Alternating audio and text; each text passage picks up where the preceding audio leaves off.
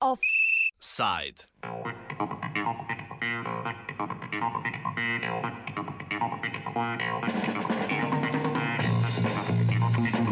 Ali se nam je začela obetati privatizacija javnega šolstva?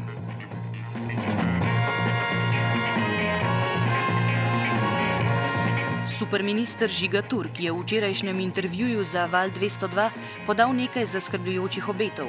Senca varčevalnih ukrepov seveda visi nad celotnim javnim sektorjem, v najtemnejšem kotičku pa se je tokrat znašlo ravno visoko šolstvo. Po Turkovih besedah se temu ne obeta le iskanje lastnih virov financiranja. Kmalo bi se lahko znašlo še pred konkurenco zasebnih univerz, ki so za državo cenejše.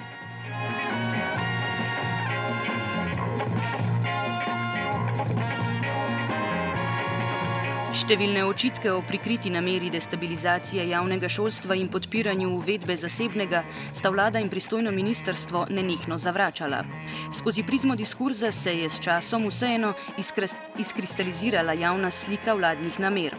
Poslušajmo ministra za izobraževanje, znanost, kulturo in šport Žiga Turka in njegove besede o slovenskem visokošolskem prostoru ter z njim povezanih varčevalnih ukrepih kako dobra in kako slaba je neka univerza, ocenjujejo uh, različne mednarodne inštitucije. Ljubljanska univerza se uvršča uh, različno, po eni od lestvic je v zadnjih uh, šestih, sedmih letih se pomaknila iz nekje 400. na svetu tam proti 600. 600. univerzi na svetu, pa to je seveda povprečje.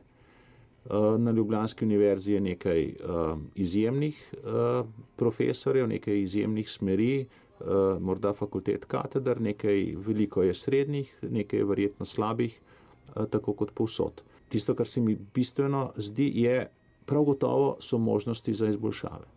Rektori so na nek način tudi direktori uh, univerz. Dejstvo je, da se jim sredstva nekaj zmanjšujejo, da gre tukaj za zmanjšanje Eh, nekaj procentov, mi smo računali, da pri plačah bi znalo v tem sistemu tudi po vseh teh dodatnih eh, milijonih, ki smo jih v zadnjem času še prinesli v ta sektor, da bi tukaj lahko pri plačah nastalo zmanjkalo za mogoče 10-15 milijonov evrov. To pri številki 230 milijonov oziroma med skoraj 400 milijonov, če govorimo za celotno znanost in visoko šolstvo, je vendarle mehen procent. In od direktorjev, od menedžerjev se vendarle pričakuje, da so sposobni najti recimo 5% rezerve v svojem sistemu. In jaz sem prepričan, da na številnih fakultetah te rezerve so, je pa tudi res, da na nekaterih fakultetah pa teh rezerv ni. In težka naloga, ki je pri rektorjih, je, da bodo znali to uh, razumeti in da bodo tudi znotraj univerze postavili stvari, kako bi rekel, krizi primerno. Imam vseeno upanje, da bo te stvari uh, razumela univerza sama, da v ta del avtonomije uh, državi ne bo potrebno posegati. Mene bi zelo veselila, zanimana podpora teh, uh, rekel, mlajših na katerih hrbtih je kar velik del programa univerz, za kakšno dejansko bolj korenito reformo slovenskega visokošolskega prostora, prevetritev, eh, večjo konkurenco, večjo odprtost eh, tudi za posamezna delovna mesta, tudi za to, da bi uvedli nekaj takega, kar velja na vseh drugih univerzah, eh, tenure, torej stalna zaposlitev, po svetu imajo dejansko samo redni profesori, vse ostalo je ali pa ni. Ne želimo nikakršnega udara proti eh, javnemu. In tudi ne poslušamo tistih, ki pravijo, da zdaj, ko se vrčuje, bi bilo treba bolj vrčevati eh, na zasebnih izobraževalnih ustanovah. Če opravljajo javno službo, če nudijo brezplačne izobraževalne storitve, potem so v bistvu tudi del javnega šolstva, so tudi del javnega izobraževanja, prinašajo določeno pestrost, prinašajo možnost izbire. Slovenija je država, kjer je šolskih programov ki ga nudijo zasebniki, tudi za stojn, tudi torej, s koncesijo, tudi vsem otrokom. Najmanjši delež v Evropi, drugi najmanjši delež v celotni Evropi. Ta strah pred zasebno ponudbo brezplačnih javnih storitev je pri nas bistveno prevelik. Še? Za državo je zasebne šolstvo cenejše. Zasebne šolstvo cenejše. Zasebne šolstvo cenejše.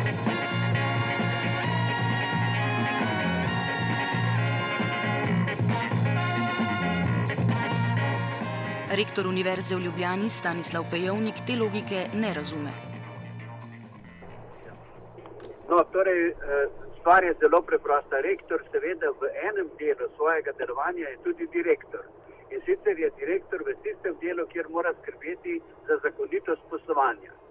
Drugače pa je rektor kombinirana, poslovodno, strokovna funkcija in seveda ima rektor tudi naloge, da skrbi za stalno kvaliteto, za stalno kakovost poučevanja in eh, po mojem resnem razmisleku, kako je seveda to najpomembnejša naloga.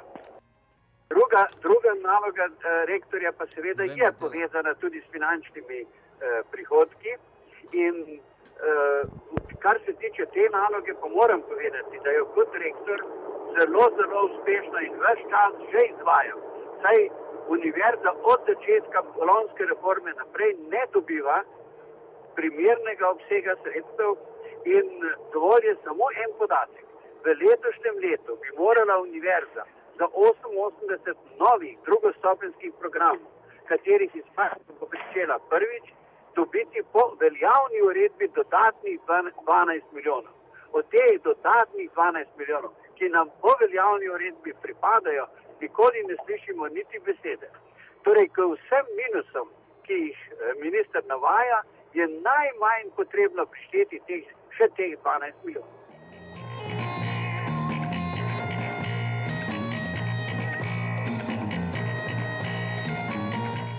Na očitek ministra Turka glede tega, da je zasebno šolstvo za državo cenejše, rektor Pejovnik odgovarja.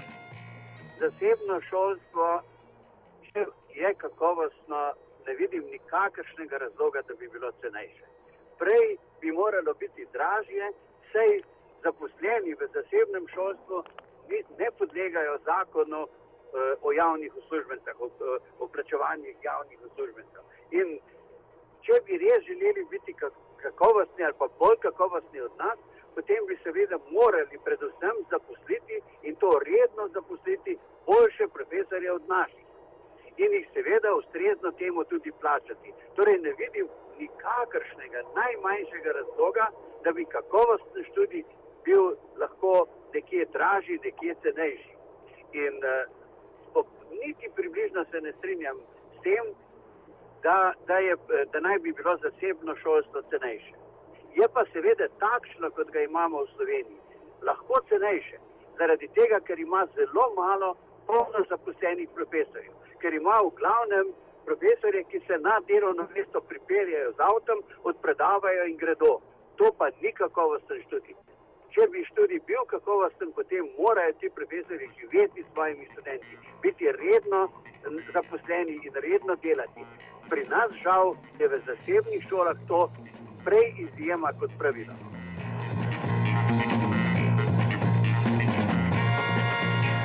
V javnosti pa se pojavljajo tudi namigovanja o drugih razlogih za tako neposreden napad na univerze.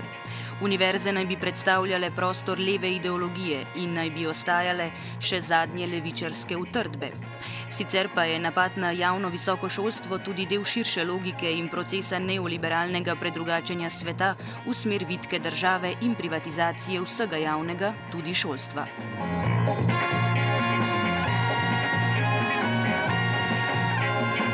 Citiramo Stanislava Pejovnika. Ne vidim kratkoročne možnosti, da bi v enem letu prihranil denar.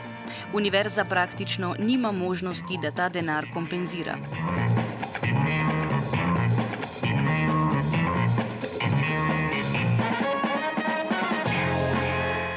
Zato zaposleni na univerzi na glas razmišljajo o uvedbi šolnin, predvsem na drugi bolonski stopnji, za katero bi sicer potrebovali dodatna sredstva, vlada pa jim je skrčila obstoječa.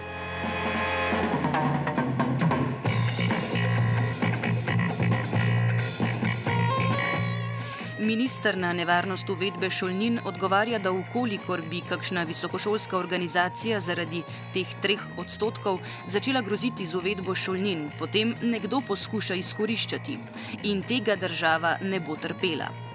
Če je program javno financiran, so šolnine tako ali tako prepovedane. Če pa neka zasebna ustanova dobiva koncesijo, se ji ta lahko ukine. Thank you.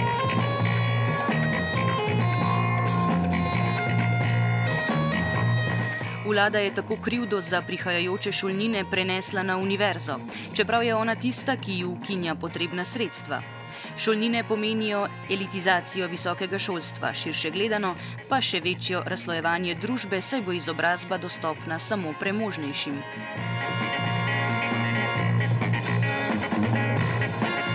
Superministrstvo seveda razmišlja drugače. Večja selekcija zaradi šolnin pomeni manj študentov, torej večjo kakovost. Kvaliteto bi lahko dvignili tako, da bi se profesori lahko ukvarjali s študenti, ki za študij res živijo in gorijo, ne pa z vsemi. Citiramo: Manj sredstev nasili v tok, da razmišljamo, koga bomo upisovali.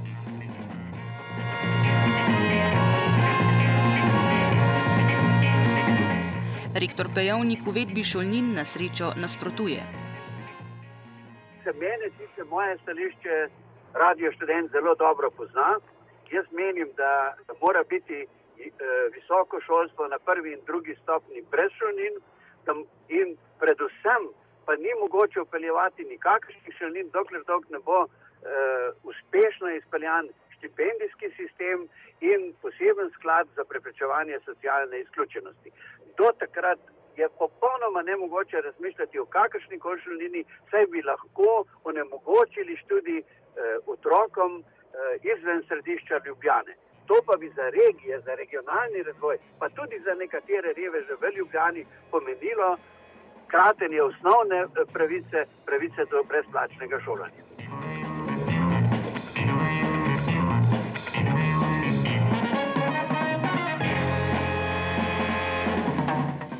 Offside sta zažvižgala Luka Tetičkovič in vajenec Fiki.